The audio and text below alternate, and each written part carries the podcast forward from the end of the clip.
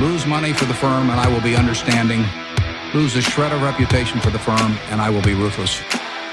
I welcome your questions.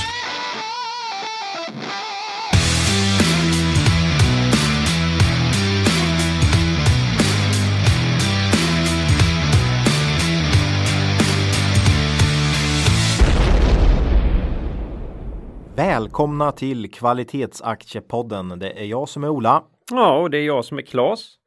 Det här är avsnitt nummer 60. Oj! Lite Du, du, du, bra, då slipper jag klippa in Ja, en, en sån ljudfanfar där. Mm. Det här spelas in torsdag den 6 februari. Kan det stämma Ola? Vi kanske måste börja dubbelkolla. Jag är ju ja det helt... står så på min Berkshire Hathaway klocka här i alla fall. så Ja, att, eh, ja, då är det ju det oavsett vad som är, ja, ja, är på almanackan. ja, Mitt rapportperioden är vi i alla fall. det kan du ge dig på. Ja. Kanske till och med skulle jag säga att kulmen är just idag. Ja, det är helt galet. Mm. Eh, Flera intressanta bolag har rapporterat.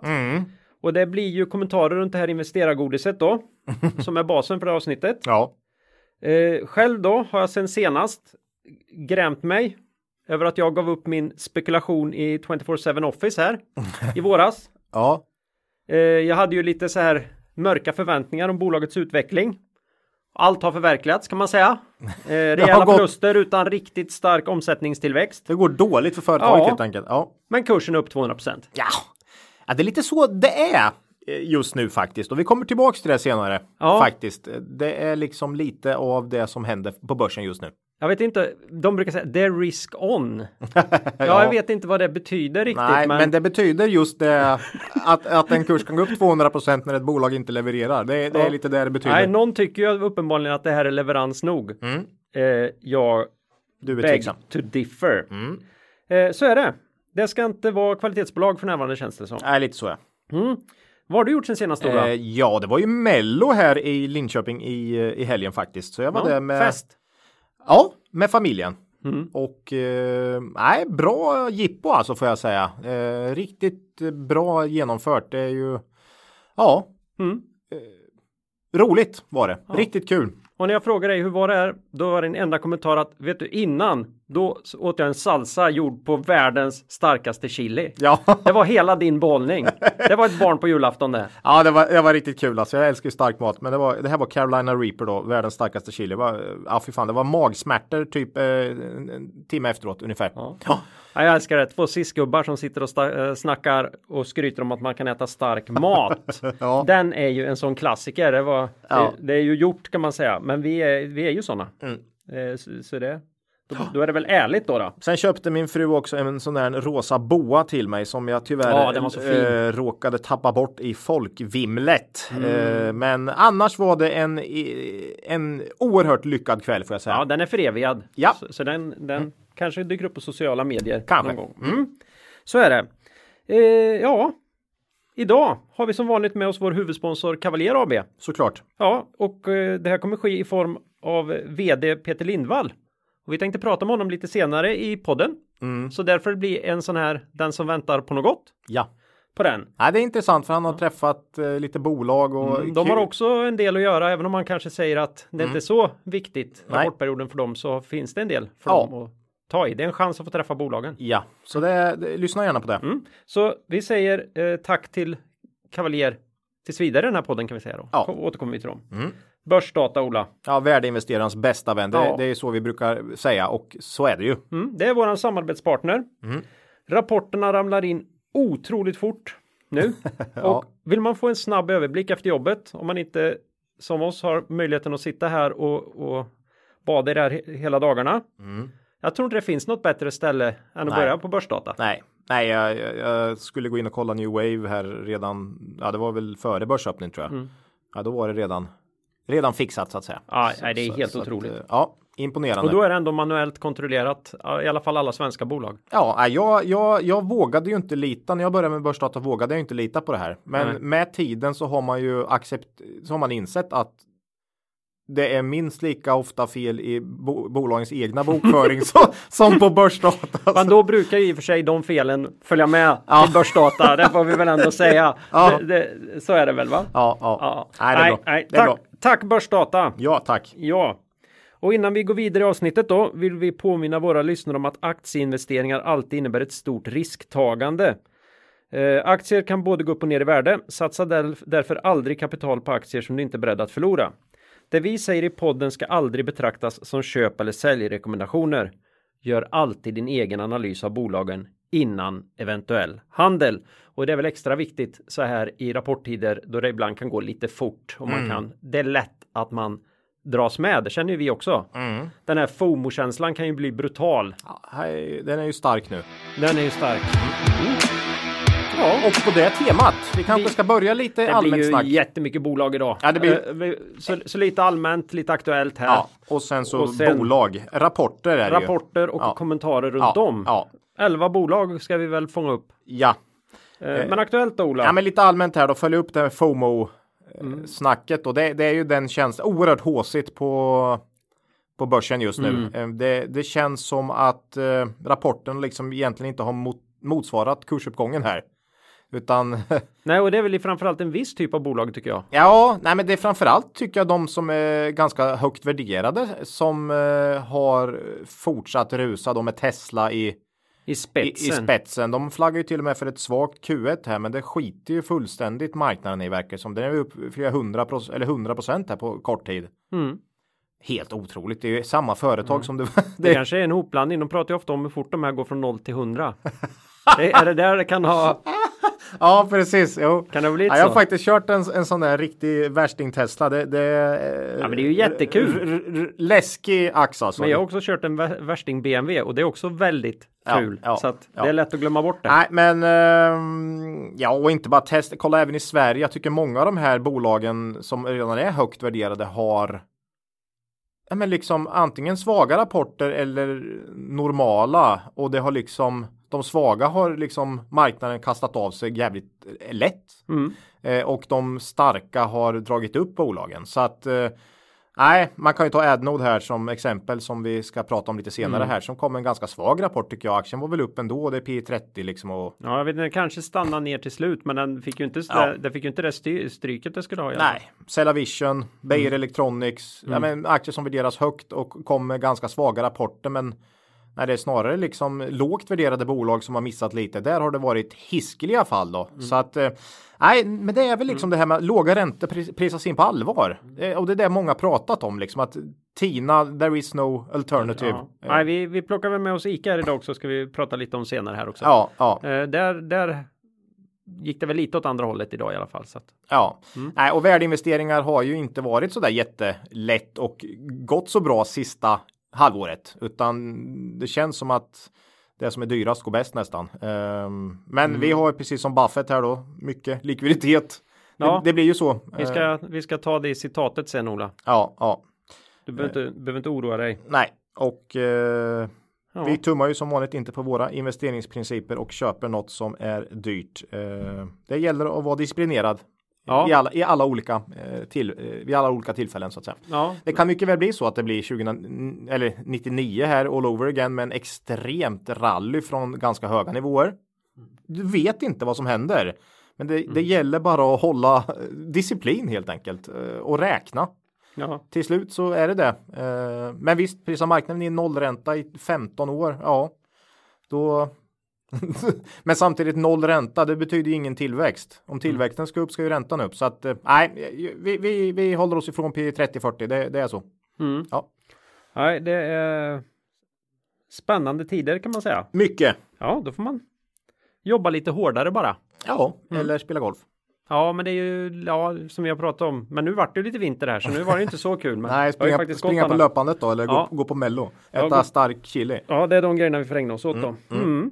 Jaha, nej, men eh, det är väl Vi- ingen idé att slå runt Nej, den här vi, busken, rullar, va? vi kommer säkert tillbaks till just det här snacket om börsen också i, i bolagen här. Det kommer vi. Ja. Eh, det kan jag nästan lova. Vi börjar beta av i bokstavsordning va? lyssnare. Ja, Mm. Eh, det är ju någonting vi införde här för ett halvår sedan kanske på ditt initiativ Ola. Ja, jag vet Eh, inte. Det grämer mig att, att inte, att inte den- självklarheten Mm, förespeglar mig innan. Men Oerhört mycket positiv feedback på den alltså. Ja, särskilt från mig. ja, ja det precis. underlättar ju något enormt där. Ja. Ja. Eh, vi börjar då alltså på A då. Mm. Och där ska vi bara göra en liten snabb återblick. Får vi se hur snabbt det blir då till eh, förra Senaste avsnittet, avsnitt 59 från den 23 januari då, pratade vi om Academedia. Och det är ju en av de här skolkoncernerna då som har haft mycket politisk risk och kanske inte varit så där superpoppis. Nej. Du hade sett där att EFRS-effekten skulle bli ganska betydande Mm. eh, och tyckte det var konstigt att många analytiker inte tog med det här i sina analyser. Ja, just det. Men hur kom rapporten in här? Nej, men det var som, som, som, jag, som väntat, som vi, som vi trodde där. Mm, mm. Eh, Ja, lite valet i Chad ja. Mm. Nej, men en väldigt bra rapport. Inget snack om det om, om man liksom exkluderar IFRS då. Mm. Eh, omsättningen plus 6% påverkas ju inte av IFRS, men eh, och resultatet före skatt, om det inte hade varit för den här IFRS, Mm. om man hade kört på med samma, så hade resultatet före skatt ökat med nästan 30% Det är ju bra. Riktigt, riktigt bra. Men då, som vi sa i förra avsnittet, EFRS 16 kommer påverka eh, Academedia under nuvarande bokslutsår. Mm. Och eh, resultatet före skatt om man då, ja, med IFRS 16 sjönk med 7 Mm. istället för de här plus 30. Ehm, ja, alltså resultat före skatt gick från 105 förra året till 98 nu. Då var det ju inte IFRS förra året, men det är det nu. Ja. Men Eh. marknaden verkar kunnat hantera det här. Ja, alltså vi snackar ju om det då att liksom det här finansnettot som kommer påverka allt annat lika minus 200 miljoner under innevarande, innevarande bokslutsår eh, var vi lite rädda för. Mm. Och vad det är liksom om marknaden skulle ta emot det här. Men nu kom det ytterligare ett kvartal med minus 100 miljoner i finansnetto. Ehm, aktien upp 10% Så vi fick ju rätt i vår eh, analys. Mm. Men fel i vårt, vad ska man säga? Ja, ma- våran marknads... Fast tro, förvänt- ja. Nej, men det, det är ju det här. Vi gillar ju inte risk. Nej. Vi såg en stor risk i att marknaden skulle, inte skulle kunna hantera det här. Nej, vi får väl se. Och en möjlighet också. Mm. Och här känner jag fortfarande att jag kommer låta det här året spela ut sig med de här minus 200 miljonerna i nettoeffekt på resultatet. 200 miljoner plus i ebit och minus 400 i finansnetto. Mm. Eh, för att se. Det är ju så det blir i år. Sen ska väl det här mattas av säger bolaget med tiden här. Men eh, mm, vi får se. Vi ligger fortsatt utanför Academedia här. Och eh, nu har ju aktien gått upp då 10% till. Så, Men det är fortfarande inte dyrt. Nej, det är fortfarande inte dyrt, men vi ligger, vi, vi ligger vid sidan här för att se eh, om marknaden hanterar det här. Man kanske inte bryr sig om det. Man kollar på kassaflöden eller något annat. Jag vet inte. Men eh, så är det. Ja, Det om Academedia och vi ska förhö- försöka hålla det hyggligt kort med kommentarerna om det går. Idag. ja, idag. Mm. jo, förmodligen. förmodligen kommer det bli jättekort. Ja. Eh, vi hoppar vidare i alla fall då. ja, vi har inget. Det är samma som vi sa faktiskt. Ja, ja. Nej, men I och det- med att det inte har hänt något. Det enda som har hänt är att kursen har gått upp kan man säga. Det är Och- bara att backa, backa ett steg i, i, eh, på poddspelaren här så kan man få höra Ja, vad vi, vad vi tänker om Academedia. Så det är inte Ja. så. Och, och även då i bokstavsordning. mhm, härligt. Nästa då. Eh, det var ett tag sedan, ett, eh, eller oerhört länge sedan, Adnode ska vi ta faktiskt. Mm. Jag har inte varit med sedan avsnitt 19. Oj. Det var 15 juni 2018 Ola. Det börjar kännas lite gammalt där du. Mm.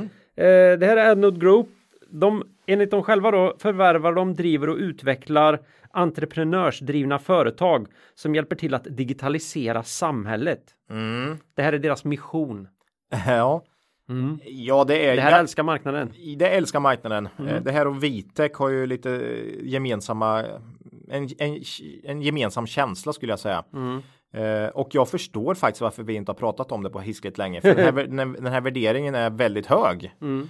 och har så varit. Och eh, kursen har dock inte gått ner. Nej, Eh, så att det är inte så att vi, oj vad, vad skönt att vi inte pratar om det för det har gått, utan kursen har gått väldigt starkt. det har inte trots- varit jättetråkigt att äga det här. Nej, trots en hög värdering. Eh, Q4 här då, omsättningen steg 11 i år då, hyggligt. Eh, valuta justerat dock bara 4 så det är ju, det är inte så där. Det är som ICA ungefär. Eh, marginalen försämras och vinst per, aktie sjönk faktiskt från 2 kronor till 1,50. Mm, Det det är är jättebra. inte så där jättebra. Nej. Eh, För helåret 2019 landade vinst per aktie på 3,86. Aktien är upp 75% senaste 12 månaderna. Aktien handlas idag till nästan 200 kronor, P 50. Eh, det är på redovisad vinst dock. Och eh, jag såg att Redeye tror på en rejäl vinsttillväxt under 2020. Men även om man eh, tror på den prognosen så är det ju över 30 P här. Mm. Eh, vi får väl se, men på redovisad vinst P 50, okej okay då, 63 är återkommande intäkter, men vadå åter? Ja, det är fortfarande det som är intäkterna på något sätt. Eller hur? Finns ja. det någon körn? Man vet inte. Det, ja.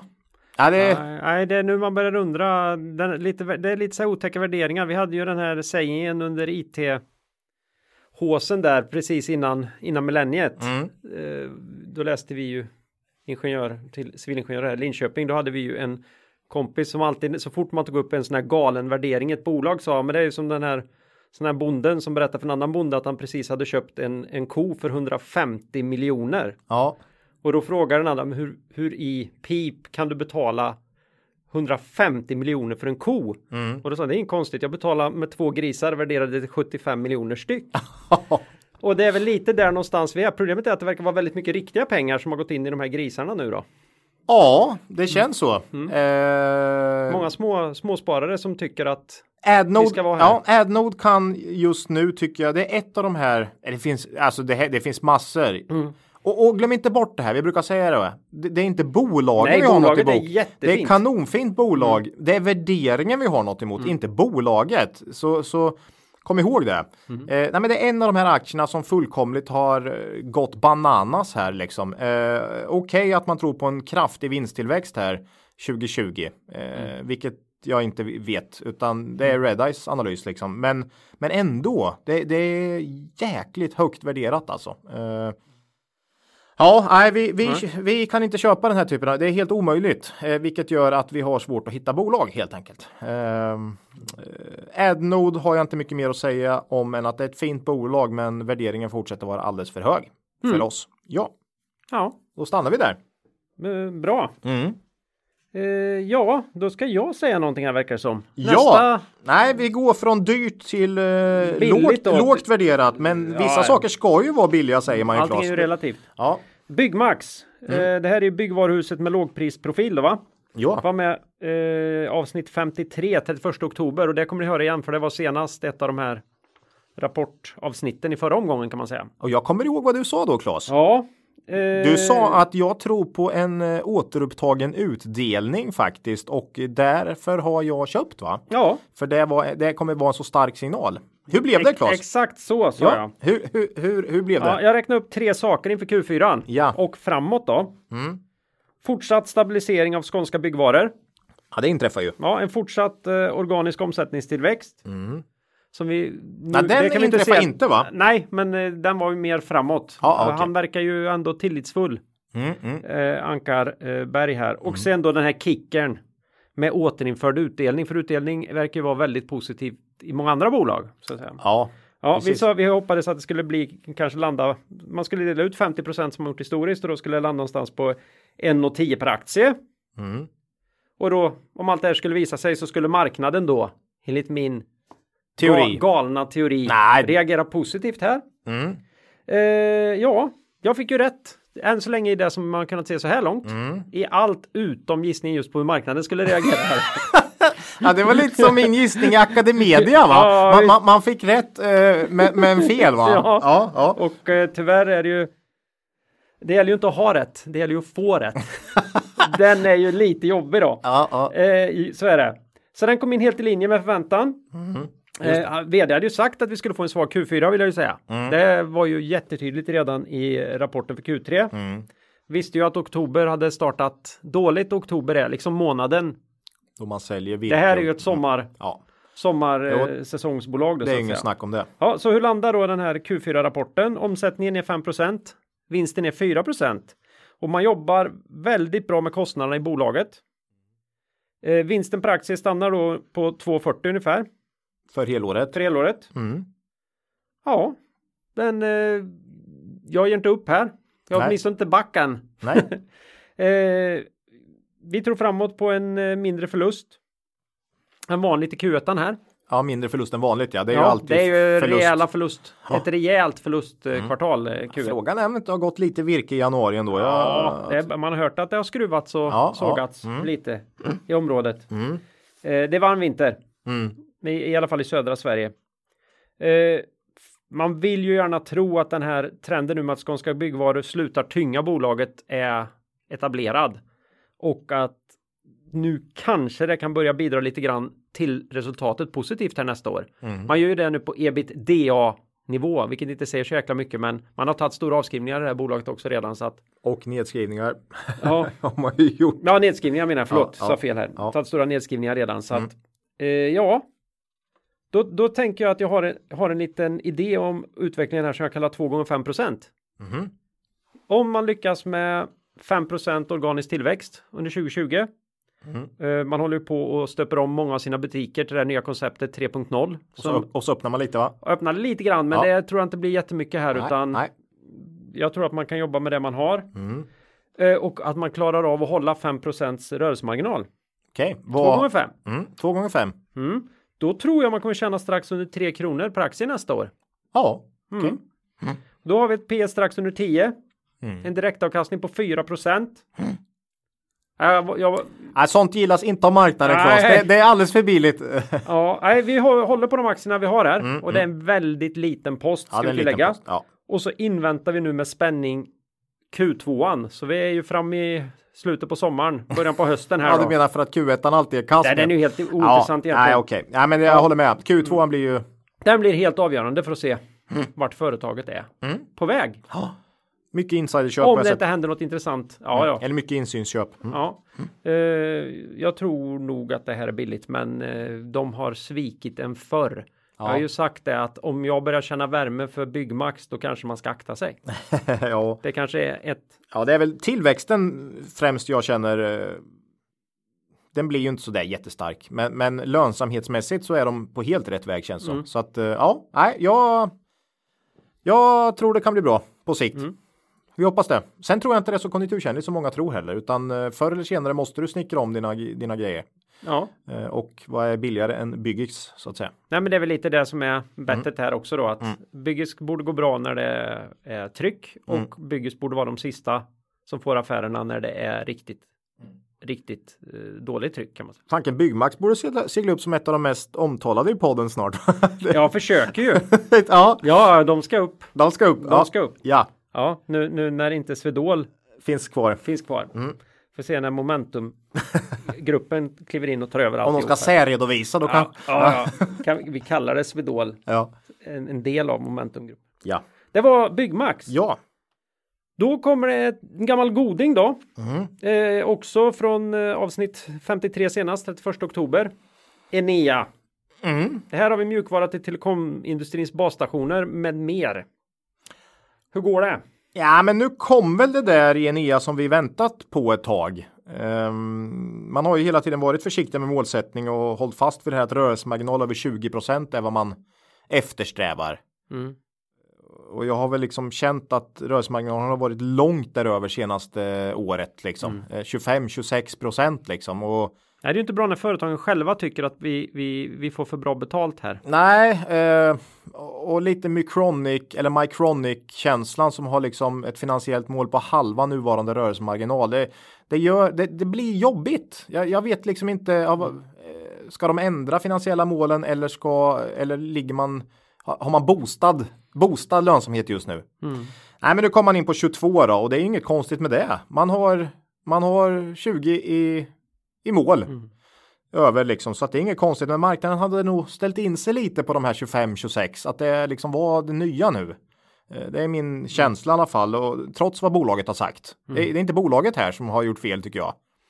Eh, och tillväxten också här i Q4 blir ju inte så där jättestark nu längre när man inte har så mycket förvärvad kvar utan den har ju liksom blivit organisk nu. Man har inte gjort något jättestort förvärv senaste 12 månaderna här nu utan det är ett förvärv som, som drar det kan man säga. Eh, Och det, Fantastiskt förvärv. Ja, nej, men de är jätteduktiga på förvärv. Hoppas det kommer de säkert göra igen. Nettoskulden har kommit ner rejält. Eh, så nej, men det är ett bra bolag. Eh, man håller kvar målsättningen här för 2020 och säger fortsatt att 20% rörelsemarginal är det vi ska klara. Mm.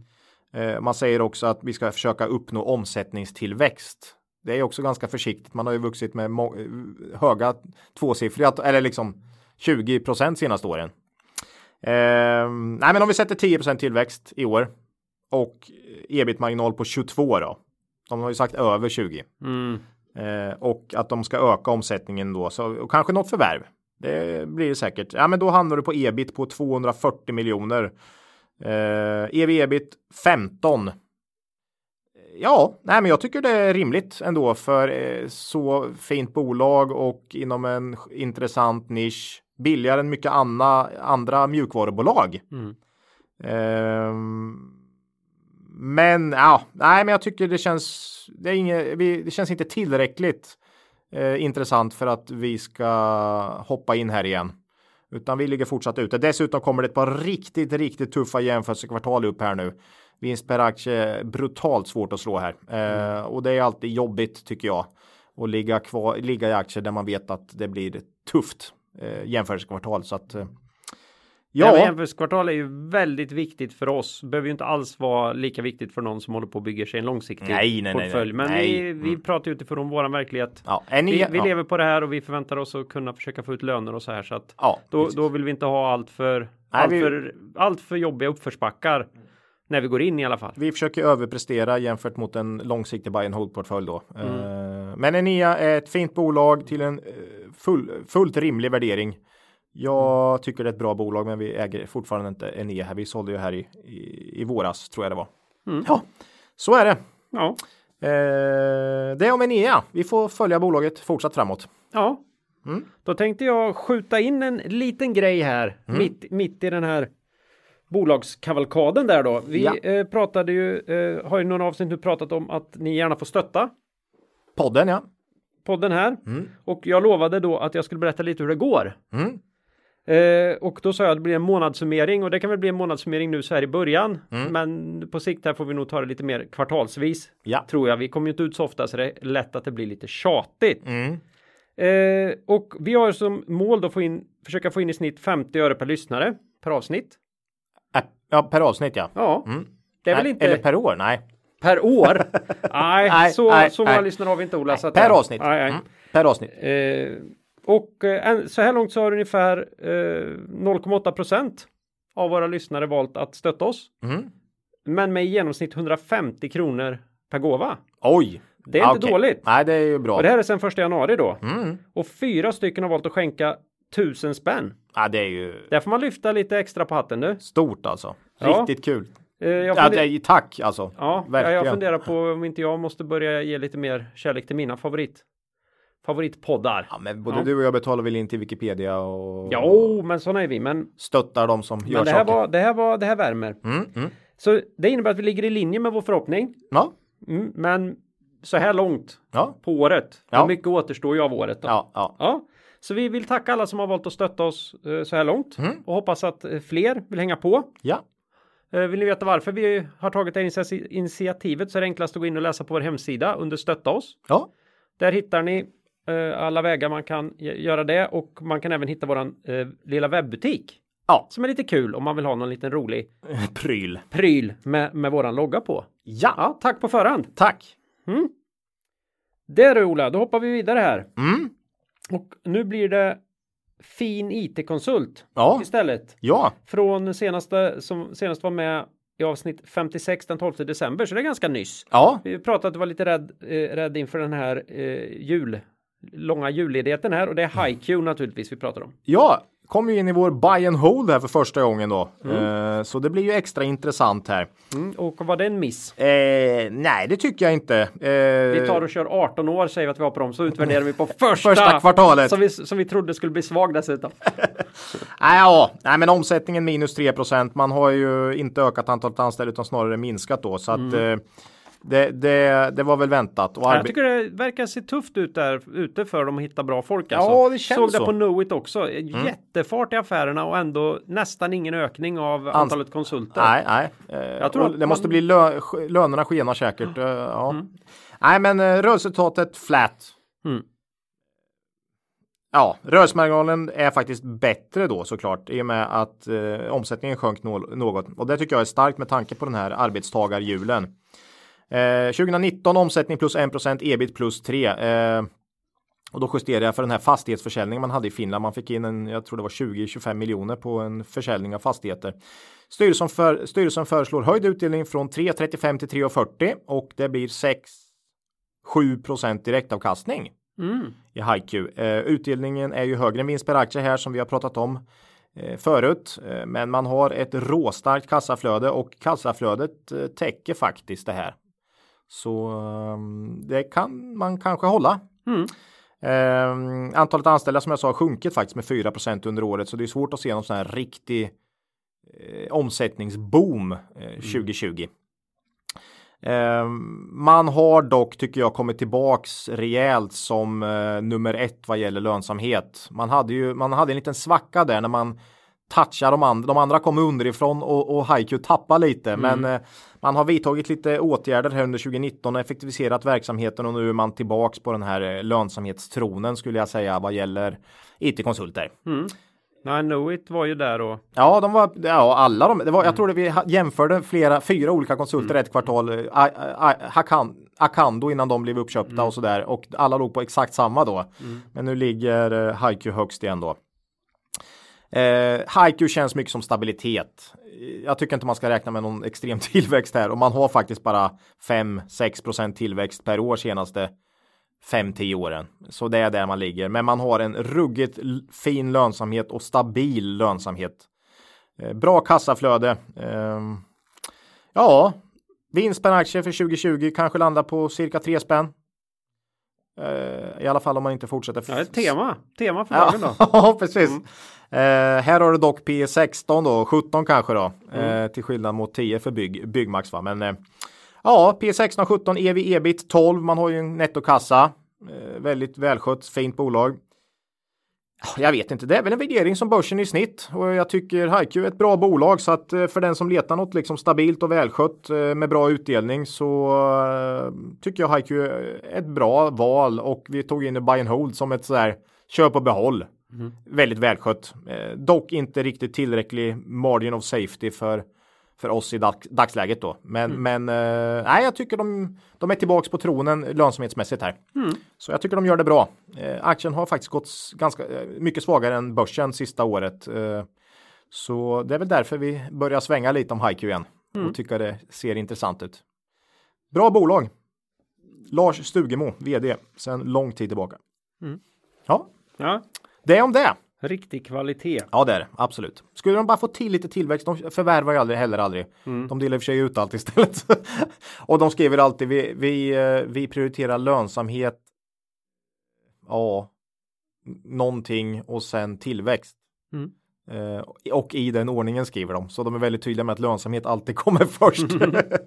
ja, så, det, så är det. Det är om HiQ. Nej, men lite, det är bra bolag. Ja, Om vettig värdering ändå. Tycker jag. Ja, nej, men eh, det är kul. Bra direktavkastning. Ja.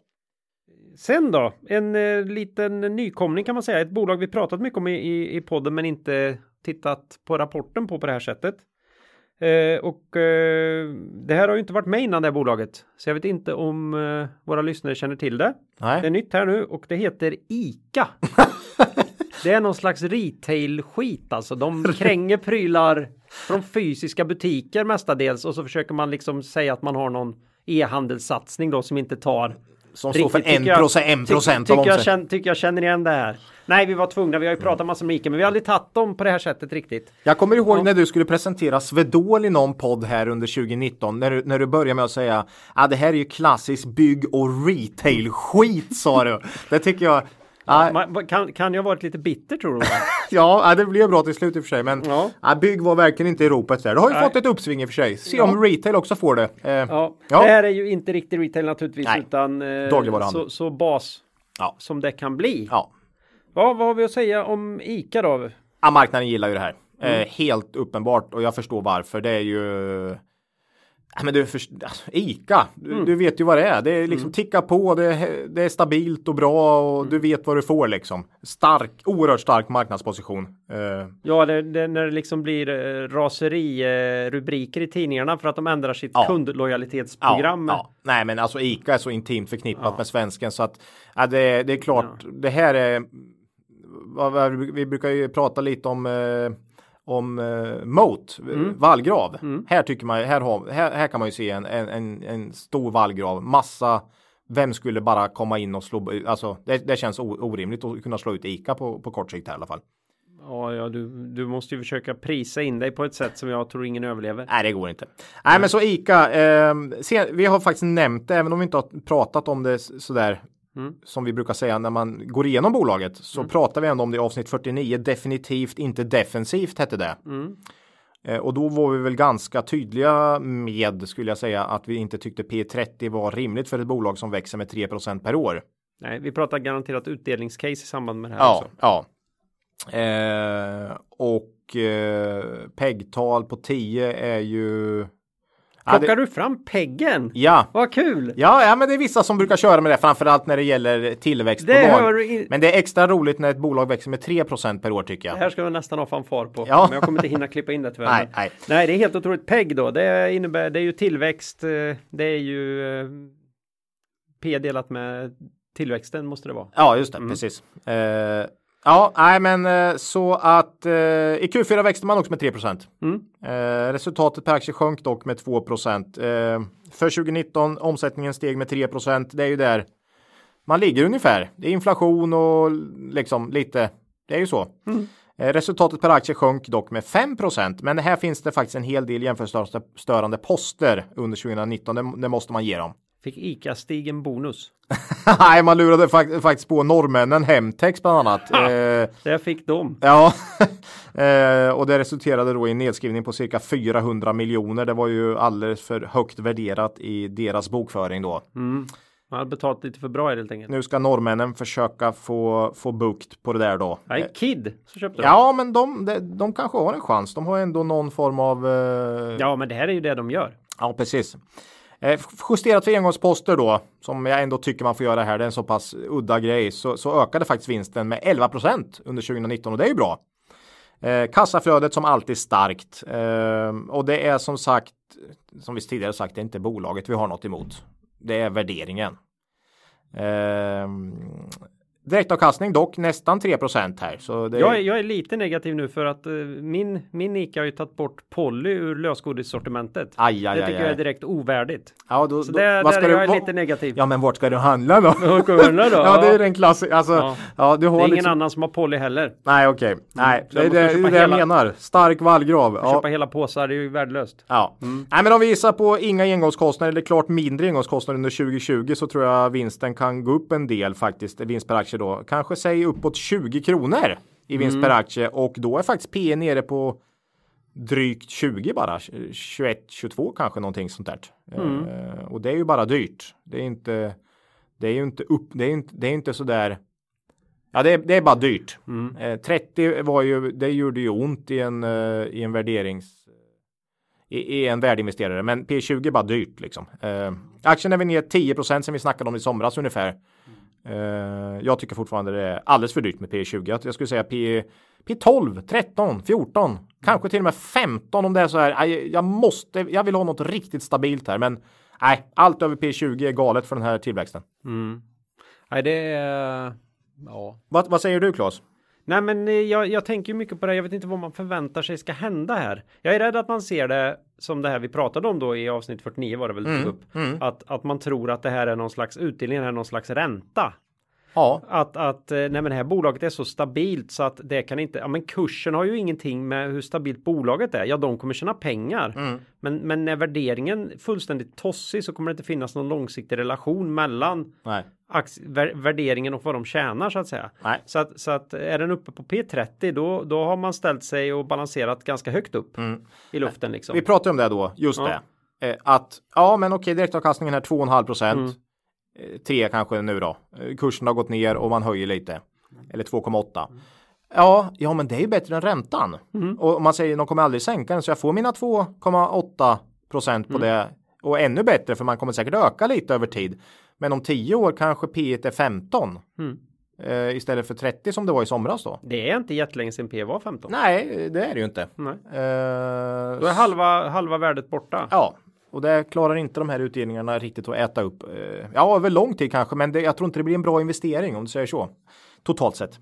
Då är det nog bättre att gå till andra eh, andra sätt få avsättning. Ja, nej, men så att, nej, men det känns lite fel och, och uh, fullt ut bara sträva efter någon form av uh, direktavkastning, uh, stabil direktavkastning, för det, det, kan lätt ätas upp, ätas upp av kursen då. Mm. Från höga värderingar. Men kursen har ju faktiskt är på väg ner ser det ut som. Uh, sjönk ju 6-7% på rapporten idag också. Mm. Så ja, vi får uh, säkert återkomma till ICA, men fint bolag, hög värdering. Mm. Det är väl det. Ja, men jag hade skrivit någonting här också om det här med att vart förväntar man sig att det ska växa? Ska de växa måste de köpa andra kedjor. Nej, att, jag... att, tro att ICA skulle kunna expandera eller att överhuvudtaget Lex Lidl. Mm. Det är nästan omöjligt att kliva in i ett annat, en annan geografisk eh, något annat geografiskt område och tro att man ska kunna spränga sig in mm. med, med dagligvaruhandel. Ja, det är, det är, det, är, det är inte bara tufft, det är nästan omöjligt. Ja, ja. Så att men det är också deras, eh, det är deras så... vallgrav också i Sverige. Ja, ja. Eh, det, man har en jättestark vallgrav men den förhindrar också eh, ja. ja. organisk tillväxt är ju nästan omöjligt utan då ska du börja köpa grejer och då är det lite annan business. Ja, man, får, eh, mm. man får några procent per år. Ja. Så ser det ut. Ja. Det var ICA. Nu över till ett annat fint bolag med betydligt lägre värdering va? Ja, där mm. jag har varit med förr och sen är jag inte med nu då tyvärr. Och det, vi pratar ju om Inwido här. Ja, vi gjort flera gånger. Ja, ja, det är ju fönster och dörrar på en europeisk marknad. Ja. Uh, var med här nu. Uh, ja, det har inte jag skrivit upp när de var med senast. Nej, det vet faktiskt inte jag heller. Men vi har pratat om dem löpande under 2019 vet jag. Ja. Uh, det känns som de var med jättenyss, men nu blir jag förvirrad. Ja, ja, ja, men det är nog i höstas i alla fall. Ja, ja, herregud. Mm, ja. Vi Får ni gå tillbaka och titta. Vi har ju, då kan vi tipsa om det istället. Ja. Vill man se, vi har ju alla bolagen som har varit med i en lista på hemsidan. Ja. Då kan man bara in... titta på bolag i podden. Ja. Så Precis. kan ni se vilket, vilket avsnitt de var med senast. Mm. Mm. Och eh, nej men här kan vi väl också säga att året och Q4 blev som vi har trott. Eh, vad vi har haft fel på är kursutvecklingen. Eh, helt enkelt. Mm. Eh, omsättningen sjönk med 3% i Q4, ebit minus 13, dock jämförelsestörande poster på 25 då. Eh, man skriver ner produkt och IT-investeringar då, eh, gör man. 2019 eh, som jag sa blivit väldigt mycket som vi har trott i podden. Oförändrat flat helt mm. enkelt. Eh, vi har kommenterat den låga värderingen i Inwido flera gånger och eh, vi har sagt att P7 8 är för lågt. Men vi har liksom inte trott att marknaden skulle värdera upp det så länge verksamheten inte växer. Ja, eller alltså de har ju varit nedtryckt också för man har varit jätterädd för någon slags lågkonjunktur här. Ja, bygg. Mm. Ja, men bygg, bygg byggfrossan är ju över. Det är helt tydligt. Ja, det är så den, där var vi ju billigt men bygg. Det avsnittet var ju verkligen epicentrumet för mm. frossan skulle jag säga när vi hade det avsnittet då. Um, nej, men vi har, vi har haft fel. Uh, aktien upp 50% sedan oktober. Vi trodde inte riktigt den här utvecklingen, det vill säga hyggligt flat utveckling för bolaget skulle ha skulle räcka till det. Vi borde ha köpt billiga Inwido helt enkelt uh, och uh, och ja, trott att marknaden skulle värdera upp det trots trots fortsatta utmaningar då. Ehm, man säger den nordiska industrimarknaden är fortsatt utmanande även om vi ser möjliga indikationer på en utplaning. Så det är inte så jättepositivt ändå. Mm. Eh, samtidigt är konsumentmarknaderna svårbedömda. Vår bevisa, bevisade förmåga att skapa starka resultat och kassaflöden gör att vi står väl rustade att fortsätta utveckla våra bolag och växa koncernen. Men först och främst tar vi oss an inledningen av 2020 med den säsongsmässigt lugnare vintersäsongen med lika delar ödmjukhet och energi. Mm. Eh, så att man är försiktiga och alltså det, det känns som att det blir hyggligt flät men man har gått helt plötsligt från P7 till P10, 11. Ja. Men det är ju inte jättedyrt. Nej, det är det Men inte. det är fortfarande flät där. Men mark- äh, jag trodde inte det skulle komma så länge det var flät där. Det är väl det som är vårat mm. misstag här egentligen. Uh, ja, jag har som sagt fortsatt svårt att tro på någon större vinstökning framåt. Man säger ju det själva också mm. att man, det, det, det ser inte så där jätte Ja. ja. Man kommer nog vara ganska nöjd om man lyckas göra ett likadant år till. Ja, men man gör det jättebra. Mm. Jag tycker bolaget är fint, välskött. Det borde vara högre än P7 och det är det nu. Nu är det P11 då. Mm. Efter uppgången kanske. Eh, man höjde utdelningen rejält från 2,50 till 3,50. Eh, direktavkastningen 4-4,5 procent då. Balansberäkningen har man också förbättrat under året. Eh, den är inte så jättestark, men den är den är förbättrad. Ja, det blir väl, ja, det blir väl tyvärr som senast då. Verksamheten står stilla och eh, vi avvaktar här. Men eh, med den skillnaden att aktien är plus 50% sedan vi sa det sist då. Mm. Nej, ja. det är jättesvårt för oss att veta när marknaden ska känna värme och kyla. Ja, i alla fall. När det, det, enda, liksom- det enda vi vet är att om ett bolag växer som med tiden så kan man inte ignorera. Nej, ignorera dem så att säga. Men så länge verksamheten står stilla som det har gjort nu mm. så, kan, så händer det ganska ofta att marknaden skiter i en låg värdering. Men det har man inte och, gjort här. Och också det här som är så hemskt att man har man redan tryckt ner någonting till P7, mm. då kan man lika gärna dra ner till P5 också. Ja, för då har man redan liksom passerat någon slags ja, anständighetsgräns ja. för värdering. Ja, men mycket har väl att göra med att byggfrossan har släppt antar jag. Mm. Eh, lite. Ja, nej, men det är om Inwido. Eh, fortsatt lågt värderad men inte lika lågt som i somras. Nej. Nej. Eh, ja, vi ångar på. Lammhults. Mm. Har vi inte pratat om sen eh, avsnitt 53 den 31 oktober. Nej, ja, precis. Det här är ju eh, biblioteksinredningar har ju varit mycket i, på tapeten när det kommer till det här bolaget. Det är ju bara en del av det de gör. Mm. Men mycket det här att boken är död, den nya digitala eran. Mm. Men i år har de ju visat att har de visat vart boken ska stå kan man säga. ja, mm. nej, det är ju bibliotek. Först och främst är det ju faktiskt egentligen Office Interiors, alltså eh, offentliga platser, eh, kommuner, landsting. Ja, eh, alltså sjukhus, eh, ja, väntrum. Ja, massor sånt. Mm. Eh, men även företags, eh, företag, mm. företagsinredning helt enkelt. Eh, Q4 här kom in eh, ganska exakt som väntat faktiskt. Framförallt på sista raden då. Omsättningen steg rejält och vinsten steg kraftigt i mm. Lammhults. Eh, man ska då komma ihåg här att förra, föregående år var belastat med väldigt stora engångskostnader och så justerat för det så var så steg inte vinsten så där jättemycket mm. faktiskt. Eh, omsättningen drevs i större grad än vad jag väntat av Dubai-orden i Q4 ganska mycket mer. Man hade sagt att det mesta skulle ut i Q4 men resten i första halvåret 2020. Mm. Men nu kommer ju i stort sett rubbet här som jag förstår det i Q4. Så underliggande blev det faktiskt sämre än vad jag hade trott då. Eh, den här orden, det var väldigt mycket som kom ut. Office Interiors då det här Eh, där det finns företagsinredning och så eh, har det lite tufft för tillfället och här kan man nog räkna med lite sämre första halvår 2020. Eh, man skriver den lägre lönsamheten i kvartalet beror på utvecklingen inom segmentet planmöbler. Och det här är alltså eh, marginal lönsamheten inom eh, det här affärsområdet Office Interiors. Eh, prispressen inom cement var stark och volymtillväxten var negativ. Åtgärder är initierade för att minska fasta kostnader och höja effektiviteten inom segmentet. Produktionskapaciteten reduceras och organisationen anpassas. Man säger upp folk antar jag. Mm. Eh, engångskostnader belastar fjärde kvartalet med cirka 5 miljoner. Så justerat för det så var det ännu bättre faktiskt i Q4. Eh, full effekt av åtgärderna väntas under andra halvåret 2020. Eh, ja, så det är lite tufft i det här segmentet. Bibliotek går fortfarande, fortfarande bra. Eh, normalt lite svagare kvartal dock. Q1, Q2. Mm. Eh, brukar ut mer under hösten i det affärsområdet. Helt tydligt. Men det är väl ganska vanligt när det är offentliga ja. aktörer som köper. Man har, sin, man har sitt budgetår så att säga. Ja, så att så. Man mm. handlar upp under våren och så blir det beställning här någonstans en bit innan sommaren och så. Ja. Mm.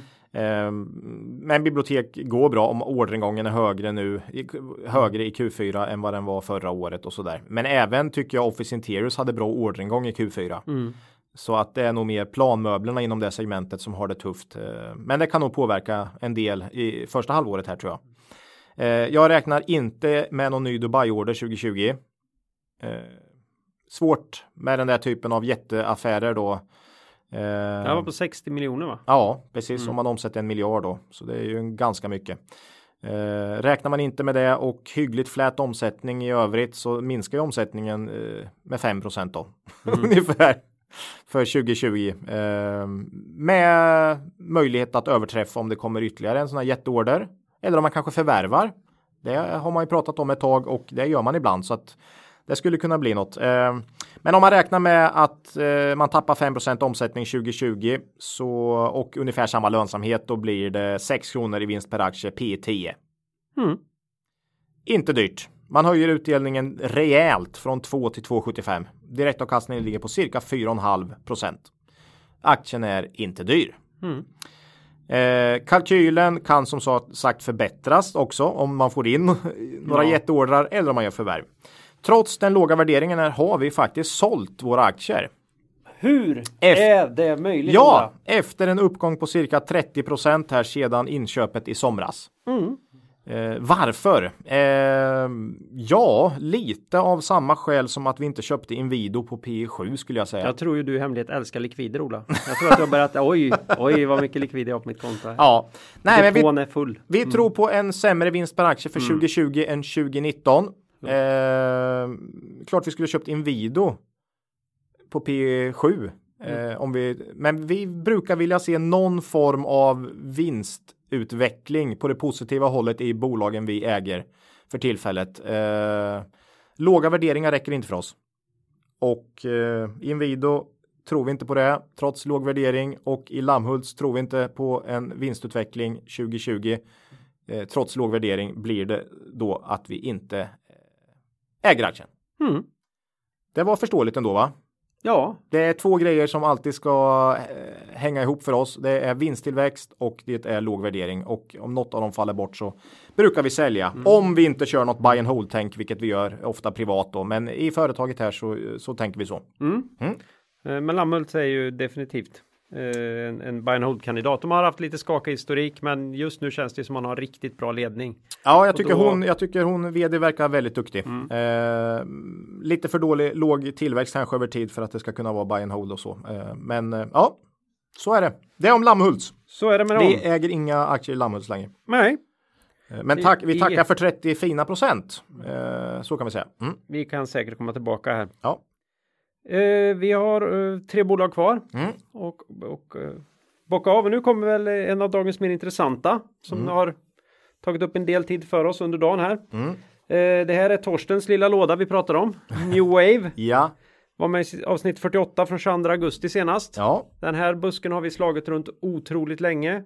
Mm. Vi tog en liten, liten, liten position igår här innan. Mm. Innan rapporten.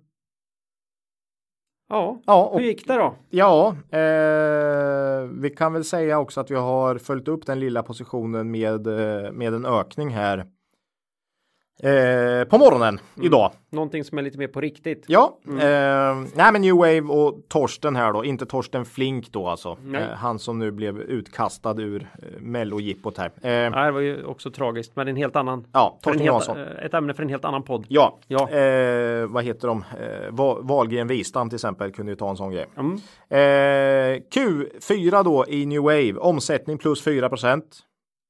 Justerat för valuta enbart plus 1 eh, Vinst före skatt steg med 11% och detta trots en nedskrivning av goodwill relaterat till affärsområde gåvor och heminredning. Mm. Eh, sorgebarn ska väl, ja, nej men det är ett väldigt litet affärsområde som eh, som går väl plus minus noll ungefär. Ja, gjorde lite vinst där något kvartal precis efter att jag hade sagt att det här var välgörenhetsverksamhet ja, ja, som man ägnar sig åt ja, i Småland. Ja, Mm. Eh, nej, men de eh, ska väl försöka få tag få fart på det där ändå igen eh, på något sätt eller göra någonting bra av det. Mm.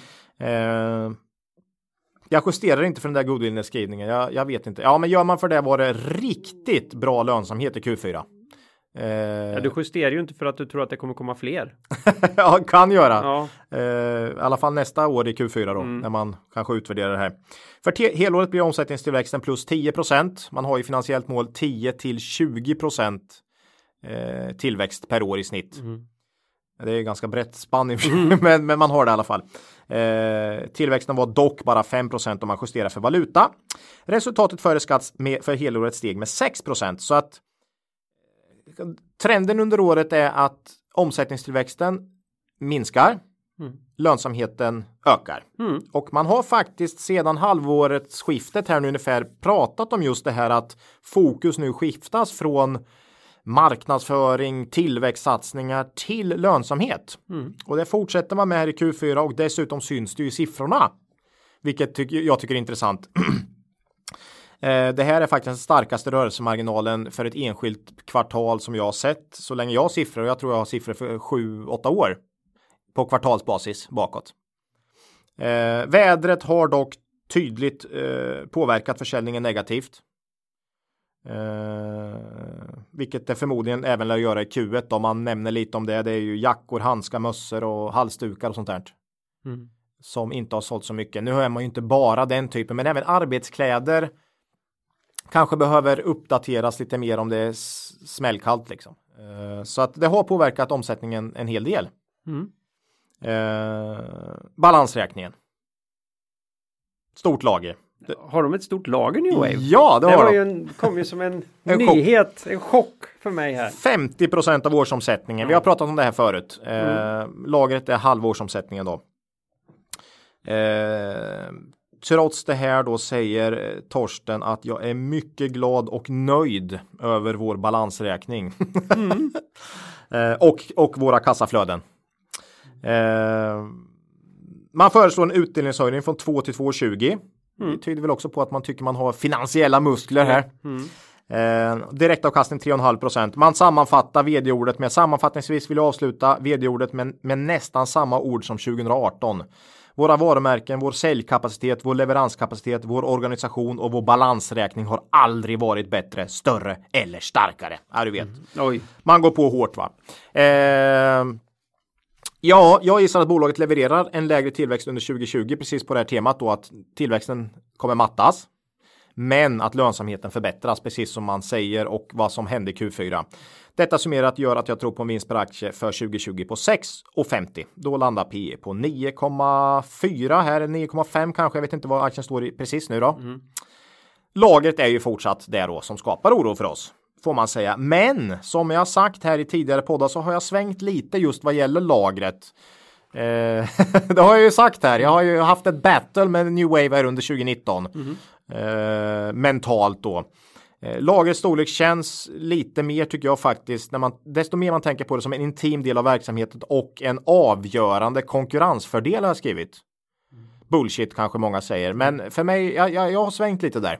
Ja men det här är ju KBT, vi har pratat om det förut. Det är så här man gör, du måste närma dig det här du tycker är obehagligt gång på gång på ja, gång och till ja. slut så sitter du där med, ja. med den lilla spindeln i knät och klappar den. Ja och sen, sen började jag läsa om 2009 där de tuffa tiderna och mm. när aktien fullkomligt havererade på grund av balansräkningen. Då, då börjar man ju helt enkelt sonika bara ta ur lagret, köpa in, inte köpa in nytt och Nej. genererade ju fantastiska kassaflöden där några år. Man styr väl det med priset ut mot kund. Ja, men liksom helt plötsligt. över dem på det man har hemma. Köpte inte in något nytt, levererade ut, kassaflöden, förbättra balansräkningen. Mm. Så att eh, Nej, och sen Torsten är ju ändå den som borde kunna det här bäst. Att han är så fruktansvärt nöjd med det här, den här balansräkningen gör ju att jag, vad ska jag sitta här?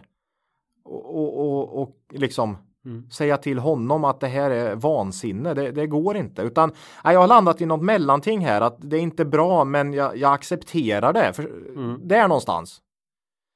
Uh, ja, nej jag tror inte... Det skulle ju kunna vara så sjukt så det är till och med en mot. Ja, att, ja, att jo, men han, hävdar... Att ja, att han det är hans stora orkar, konkurrensfördel. Ja. Uh, nej, jag tror inte New Way kommer bli någon raket på börsen här. Uh, men lönsamhetsförbättringarna tror jag fortsätter. Och eh, om man börjar göra det så kan också kanske marknaden eh, värdesätta det på ett annat sätt. Om så att säga lönsamheten går upp och man kanske betar av lagret och nettoskulden mm. minskar. Så att eh, Ja, det blir nog ingen raket, men jag tror definitivt att det ligger i korten mm. att aktien ska kunna värderas upp från en låg värdering under kommande år. Um, man har ju 15% i lönsamhetsmål om man ligger på 7,5 idag, så att ja, jag tror inte det är rimligt, men det visar ändå lite på vad man själv tror är rimligt. Vi har faktiskt då köpt lite här då som vi sa i New Wave under dagen och ryggar Torsten här då Eh, ja, vi, vi, tror inte på någon raketutveckling för aktien, men det ser för billigt ut och vi tror ändå att marknaden under kommande år kan kan bli lite snällare mot bolaget. Mm. Det är våran tro. Ja, vi ryggar Torsten och ja. ryggar inte för lagret.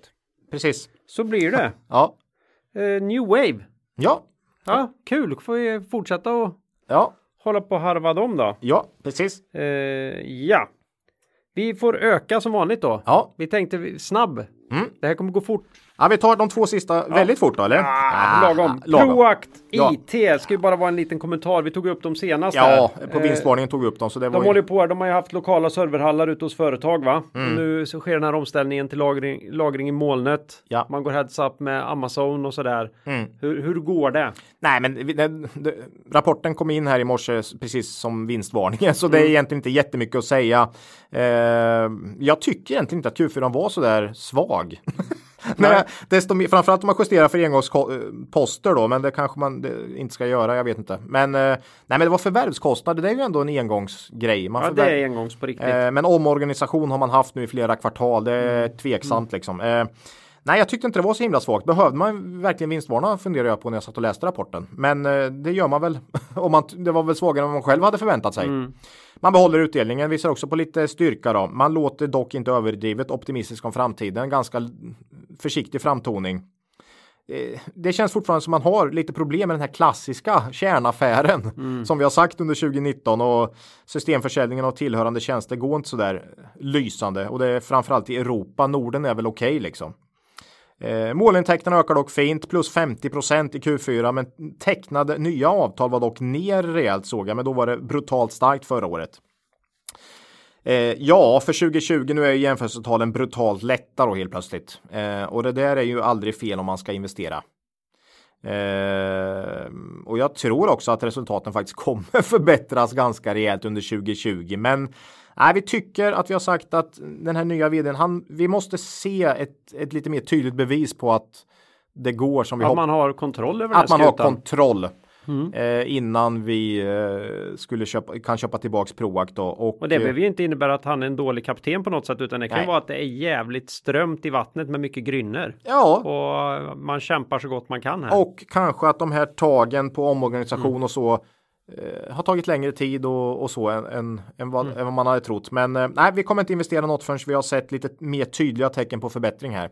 Eh, ja, det är om Proact. Det var dem. Ja, Sist ut då. ja För absolut det här inte. avsnittet. In, ja, kanske minst resten också. Jag vet inte. Det kan inte jag. Nej. Det här är Semcon, Mm. internationell teknikkonsult som är jätteduktiga på produktutveckling om man frågar dem själva då. Mm. Jag tänkte ju fråga om det fortfarande främst är åt fordonsindustrin. Eh, avsnitt 55 från den 28 november får man söka sig tillbaka till. Ja. Om man vill höra något mer om Semcon. Ja, nej men det är det ju. Det är först och främst fordonsindustri, men eh, du sätter ju fingret på en extremt viktig punkt där tycker jag. Den har faktiskt, för det är ju, Det kan man tro en slump, men vi skriver ju manus ihop lite grann Ola. Så att, eh, ja, nej men mycket av grejen med Semcon är faktiskt, som jag tycker, som gör det intressant, är att det har gått från 70% av omsättningen har varit relaterat till fordon. Vilket liksom och har... nu är det bara 69, nej. Nej, under 40. Jag tror det var Oj. 38 procent här i Q4. Och det är från nej, 2015, så det är över fyra, fem, fyra år här då. Men ändå, Det är väldigt imponerande. oerhört imponerande. Man la ju ner en verksamhet i Tyskland som jag tror hade Ja, den här förlusthistorien Ja, där. ja. Ja, ja, ja. så det gjorde ju mycket i ett svep där. Men det fortsätter bli mindre och mindre andel. Jag tror det var 38 procent av omsättningen nu i Q4 som är fordonsrelaterad. Så att jätteintressant omställning tycker jag. Eh, resultsiffrorna då oförändrad omsättning i Q4 som många andra konsulter. Resultatet dock plus 20 procent. Starkt jobbat. Antal anställda Det plus vart inga julgåvor där, det kan vi säga. Det, Nej, antal anställda plus 7 procent. Så här har du faktiskt Oj. en konsult som har hittat lite folk va. Eh, och får man ut de här i jobb, ja då kan det ju bli lite tillväxt faktiskt 2020. ja, Eller hur? härligt. Eh, jag tycker man fortsätter att bevisa att man inte är vad man har varit. Helt enkelt. Rörelsemarginalen fortsätter upp. Eh, nu är den uppe på 8. Bra liksom. Eh, Kollar man på de andra IT, eh, teknik och IT-konsulterna så är ju nu man uppe på en marginal i paritet med de andra. Så de här eh, lågt hängande frukterna känns gjorda. Mm. Eh, OF och Sweco har ju rörelsemarginaler på 7, 8, 9, 10 procent och IT-konsulterna kanske 8, 10. Så det känns som att det mesta är taget på lönsamhetssidan om du förstår vad jag menar. Ehm, man säger att säljinvesteringarna kommer tynga Q1 lite, så inför Q1 ser det väl lite sådär halvtungt ut. Eh, nej, men säg att man behåller rörelsemarginalen på 8% även 2020. Eh, bra. Svårt att öka mer kanske. Och man sätter en omsättningsväxt på 5% ungefär som antalet konsulter har ökat med då. Ja, då ska vinsten upp 5% och då blir det kanske 6,50 vinst per aktie. Det är PE på knappt 11. Mm, det är inte dyrt alltså. Nej, inte med tanke på att OF och Sweco värderas till P20 då. Nej. Så, så är det ju billigt. Eh, många IT-konsulter värderas ju också till P15-20. Eh, så att eh, Semcon är klart lägre värderat. Mm. Eh, och man har jobbat till sig nettokassa här så nej, det är ett bra bolag. Jag tycker det är för lågt värderat helt enkelt. Man höjer dessutom utdelningen. Direktavkastningen är 5% nu. Eh, nej, men säger samma som sist då. Eh, då ville vi se Q4 för vi var rädda för. Men här tycker jag det är bra. Eh, vi tycker aktien behöver värderas upp med tanke på hur pass mycket verksamheten har förändrats här under de senaste fem åren. Eh, denna typ av omvärdering kan ju dock ta tid. Man ser ju ofta det att marknaden har samma syn på ett bolag långt efter mm. det har det har hänt något. Eh, nej, vi äger inga aktier i Semcon, men här skulle man ju mycket väl kunna tänka sig att investera en bit faktiskt. Ja, man vill ha, ha lagt energin på New Wave så Idag. här långt och, och något slags poddmanus och inspelningar och grejer. Här, ja, och dessutom så säljinvesteringar kan tynga Q1. Jag vet inte. Mm. Eh, vi får se, men Semcon bör värderas upp eller så ska andra konsulter ner. Lite så. Mm. Det är min känsla. Jaha, så då var allting relativt igen då? Nej då, nej då. Mm. Nej, P20 tycker jag inte är rätt, äh, rätt för en konsult, men äh, om alla möts på P14 då. Ja, mm. kan vara en fest där. Ja, precis. Härligt. Mm. Det var alla bolag. Ja. Då hoppar vi raskt vidare. Vi har passerat den där klassiska timmen med lite råga här. Mm.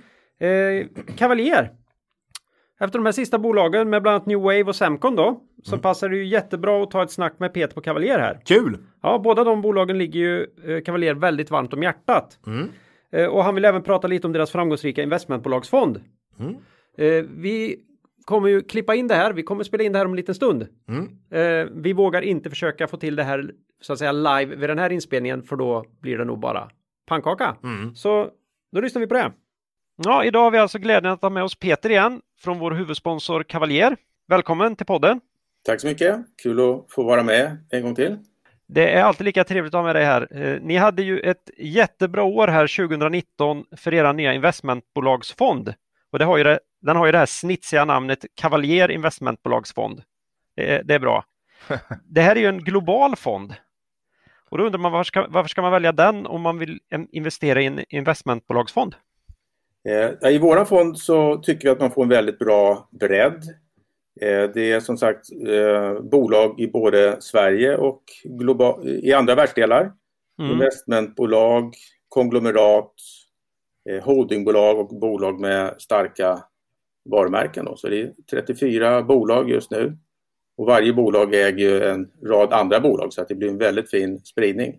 Ja, och som vanligt så kommer man åt en hel del onoterat också via investmentbolag. Ja, precis. Sen är det de sedvanliga argumenten för eh, att investera i investmentbolag förstås med rabatt, eh, aktivt ägande.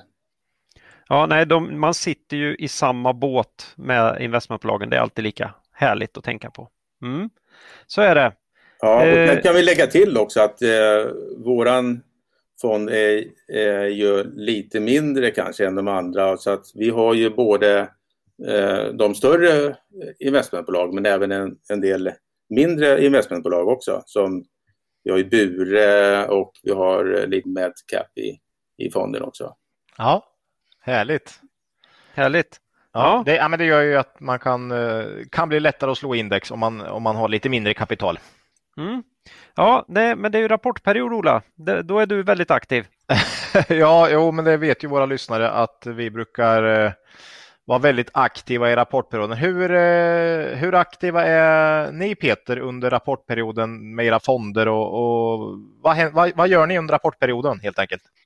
Eh, det är klart att vi, vi läser ju en mängd rapporter, både i de bolag som vi har investerat i och en massa andra bolag. Eh, men vi är inte aktiva och handlar speciellt mycket eftersom vi, vi har en långsiktig placeringshorisont och en tanke med de investeringar vi har gjort. Hur ska bolagen se ut om tre till fem år och vad ska de vara värda då? Och under den här eh, resan så, så kommer vi få uppleva förstås både rapporter som är bättre och sämre. Då, så att eh, vi, vi, har de innehav vi har och vi brukar inte göra speciellt mycket skönt. Det är väl det man vill höra som, som investerare i en, i en fond, att man, att man uh, har ett, liksom, en, ett, ett, ett tänk på några år åtminstone och, och kanske inte kolla för mycket på kvartalssvängningar. Men, men, men ni träffar ändå lite bolag och, och så? Eh, eller? Ja, det gör vi absolut. Vi går ju på eh, så många rapportpresentationer som vi hinner med. Vi var idag till exempel då och eh, träffade Torsten Jansson på New Wave.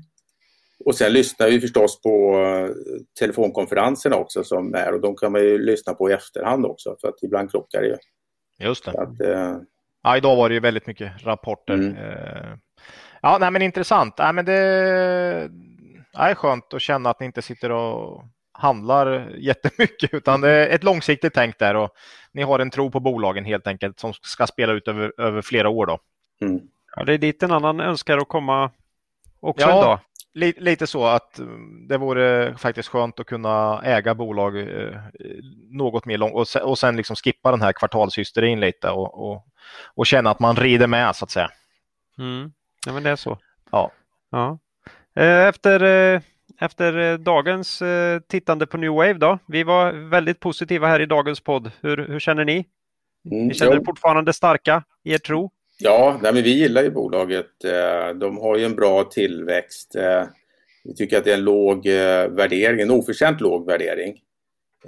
Nu fokuserar ju bolaget på att få upp marginalerna, öka lönsamheten på bekostnad av tillväxt. Då. Och det, jag tror att det är någonting som aktiemarknaden kommer att gilla. Jag tror att man, man vill se vinsttillväxt och tyvärr orkar aktiemarknaden inte med att man gör stora investeringar, marknadssatsningar för att vinsten ska komma längre fram. Mm. Så att jag tror att aktiemarknaden kommer att uppskatta det här och vi mm. kommer nog få se en bra vinsttillväxt eh, det här året hoppas jag. Mm, det tror jag med. Ja. ja. Intressant. Mm. Något mer du vill tillägga Peter? Eh, annars var det eh. kul att få höra lite om nuläget så att säga. Ja, jag får tacka för en bra och trevlig podd. Jag är en trogen lyssnare. Härligt. Ja, det uppskattas. Ja, men då säger vi eh, tack för den här gången. Och så ja. hörs vi nog snart igen. Absolut. Stort tack. Mm. Tack. Tack så mycket. Hej, hej. Hej, hej. hej. Ja, spännande. Mm. Alltid. Ja, alltid roligt att prata med Peter. Alltid lika roligt. Ja. ja tack återigen Peter och Kavaljer AB. Mm. Mm. Lyssna fråga. Det blir det ingen du. Nej, inte den här gången. Nej. Det, det, blir så mycket bolag. Nej, men vi har gjort det förut. Vi ja. hoppar över lyssnarfrågorna under rapportperioden. Ja. Och den här gången så tänkte jag som en liten kupp utlova att vi gör ett uppsamlingshit faktiskt. Ja! På något av de här första avsnitten när vi inte har en massa rapporter. Bra! För vi har samlat på oss en rejäl hög. Ja, vi har fem, sex lyssnarfrågor som vi eh, i stort sett har lovat att ta. Mm. Så det, det, får bli här i mars kanske något. Ja, mm. det får helt enkelt bli så. Ja. Mm. Då hoppar vi vidare på, till citatet Ola. Mm. Eh, och då vill vi tacka vår lyssnare Karin som vid ett mycket uppskattat mejl hjälpt oss med några bra citat från finanskvinnor. Mm. Eh, vi kommer nog troligen beta av dem allihop mm. eh, med tiden. Mm. Och vi börjar idag med ett citat från Jane Bryant Quinn. Det här är en idag 81-årig finansjournalist. Eh, framgångsrik sådan som också har skrivit böcker. Har mycket bra saker att säga om investering och besparing. Oj, 81 kunde nästan ha varit barn till, eh, till eh, Buffetts par. ja, eller så, kunde eller, eller så kunde hon varit på väg att bli president i USA. Det är en av de ja, två. Antingen, antingen barn till Charlie Munger eller, eller president i USA. Ja, det är en av de två. Ja. Jag valde det idag Ola, särskilt med tanke på uh, uh, våran likviditet som håller dig vaken mm. om nätterna. ja, ja. ja, Då har uh, Jane sagt så här. Savings will not make you rich. Only canny investments do that. The role of saving, savings is to keep you from becoming poor. Mm. Så att eh, besparingar kommer inte göra dig rik. Bara Nej. fiffiga investeringar kommer göra det. Nu kommer vi få alla de här. Och besparingar mm. har man för att i, inte bli fattig. Ja. Och det här säger ju oerhört många olika saker på en och samma gång. Ja. Nej, för mig säger du kan det inte spara dig rik. Nej, så är det ju faktiskt. Många kör ju det här, jag gneta och investera då. Ja, fast då... Eller många och många, men... Mm, det är ja. väl lite det hon säger, men du ska vara canny då, du ska vara duktig. Ja, ja. Eh, och dessutom spara och investera, ja då, då investerar du också. Mm. Så då, då, kan, då blir det intäkter mm. he, helt plötsligt. Eh, men, men ju... då tar du risk. Då tar du risken. Nej, men just att liksom bara spara, det, det, det, är, det är inte det som kommer göra dig ohyggligt rik, utan det är snarare vad du har för inkomster, intäkter. Nej, väldigt, väldigt få av de hundra rikaste i världen som har sparat sig till, utan snarare att man har investerat klokt eller mm. skapat något. Nej, men den här kan man se från båda håll. Mm. Det här borde göra ont i dig eftersom du sitter på alldeles för mycket likvider just nu. ja, ja. Men ja, det, det blir säger också att det finns en stor risk. Mm. Sparar du så har du pengar den dagen du behöver dem. Ja. Det och, vet du inte säkert om du har dem på börsen. Nej, nej, nej bra citat. Mm. Säger oerhört mycket. Mm. Uh, man kan tänka på den under under många timmar kanske. Mm. Men uh, ja, nej, ja, man, man får väl hålla sig där och nu när man har mycket likv likvida medel att ja. man, man har åtminstone pengarna på banken. Ja, ja. så vi tackar Karin och ja. vi tackar Jane uh, Bryant Quinn. Ja. Ja. Eh, vi börjar närma oss slutet som vanligt. Mm. Eh, det brukar bli ett slut på alla poddar, även om många som lyssnar tänker att den här kommer helt enkelt aldrig ta slut. Nej. Så, har, så här långt, de 59 första har tagit slut någon gång. Vi snittar ju över timmen. Ja, vi är ju... Så är det. Ja, Men då kommer vi bara bli... ut varannan vecka också. Ja. Så, att, så då tänker du att det är som en, liten, en 40 minuters podd? nej, men istället för 30 minuters podd så har vi en timme varannan vecka. Vet du. Ja, vi, har, ja, vi har ju inte en timme heller Ola, utan nej, nej. mer än så då. Nästa avsnitt Mm. Blir späckat med rapportkommentarer. Ja. Torsdag den 20 februari. Ja, det blir mycket då. Man kan mejla oss. Vi mm. är jätteduktiga på att svara just nu. Hyggligt. Eller ja, inte precis just idag. Eller, men eh, fram till rapporten drog igång här. Kontakt ja. kvalitetsaktiepodden.se. Mm. Kommentera oss på Twitter. Mm. Eller på vår hemsida kvalitetsaktiepodden.se. Mm. Ja, slutligen då. Har du något eh, riktigt makro eller TA värt att ta upp idag? Nej, tycker jag inte. Du då? Ja, jag har en liten sån där eh, sordi grej Aha. jag funderar på. Läste DNs artikel om att sol och vind nu är större än kolkraft i EUs elproduktion. Oj. Och att CO2-utsläppen fullständigt rasar här. det låter som något negativt. Ja, nej, men det minskar ja. i en rasande takt då. ja, ja, ja. Eh, det är helt sant det de säger där. Mm -hmm. och, och, mycket glädjande att det, att mm. det sker. Mm. Men då är det det här, men varför måste man vinkla en nyhet på det här sättet. Mm. Det är liksom det här, det som skrämmer är den här oviljan och oförmågan att nämna två intressanta saker här. Och det ena är då att det har blåst något fruktansvärt under 2019. Ja, så det har varit massor med vindkraft då. Ja. Uh, och att det, det stora skiftet är från kol och framförallt äcklig brunkol till naturgas. Fin, okay. fin naturgas. Mm, just det. Uh, och hade inte vindkraften slumpat in här 2019 så mycket, mm. då hade naturgasen fixat resten där också då. Mm. Eh, och det är alltså mindre än hälften av utsläppen eh, när du kör naturgas mot när du kör brunkol och stenkol. Mm. Mm. Eh, ja, jag vill bara jag vill bara konstatera att man måste vara försiktig. När man läser nyheter. När man läser de här nyheterna. För det är lätt hänt att tro att det är lite, att det är lite lättare, att det går lite lättare och att det bara är att köra den här sol och vindgrejen. Mm, mm. Nej, vi har nog något steg emellan där. Också. Ja, och ja. särskilt om man dessutom också hatar kärnkraft. Mm. Så kan det här bli lite tufft. Men naturgasen är inte ett dåligt steg på vägen, en så kallad stepping stone skulle jag vilja du säga. Du kanske ska börja kolla på de här fossil eller oljebolagen eh, till P2 och 3 nu Claes. Det, det är kanske något för dig. Ja, det blir samma som med spelbolagen. Mm. Det är hatat av alla, alla riktigt tunga investerare. Ja. Så är det. Nej, jag ville bara kommentera på detta. Jag Intressant. tyckte det var fascinerande. Mm. Hur, hur man kan missa det. Man, eh, man har en länk till rapporten man har tagit allt därifrån där mm. det är fruktansvärt tydligt att det är så här. Okay. Så att, eh, Nej, man, vink, man vinklar det. Man, man kan liksom inte låta bli på något sätt. Mm. Jaha. Eget ägande då Ola? Ja, New Wave då. Eh, har New vi Wave. ju köpt in här. Du har väl lite Byggmax va? Mm. Lammhults har vi ju sålt då. Eh, ja, nej men det är väl det.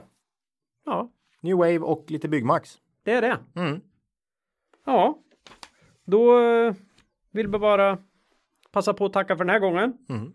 Eh, påminna, påminna, påminna våra lyssnare om att gå in på Cavaliers hemsida mm. och läsa på deras fina erbjudanden. Ja, våran också kvalitetsaktiepodden.se. Japp, ni kan följa oss båda på Twitter. Mm. Och kom ihåg att historisk avkastning i fonder inte är någon garanti för framtida avkastning. Just det. Mm. Så vill vi önska er en fortsatt lyck lyckosam rapportperiod och ber att komma ihåg att det är först när tidvattnet drar sig tillbaka som du får se vem som badat naken.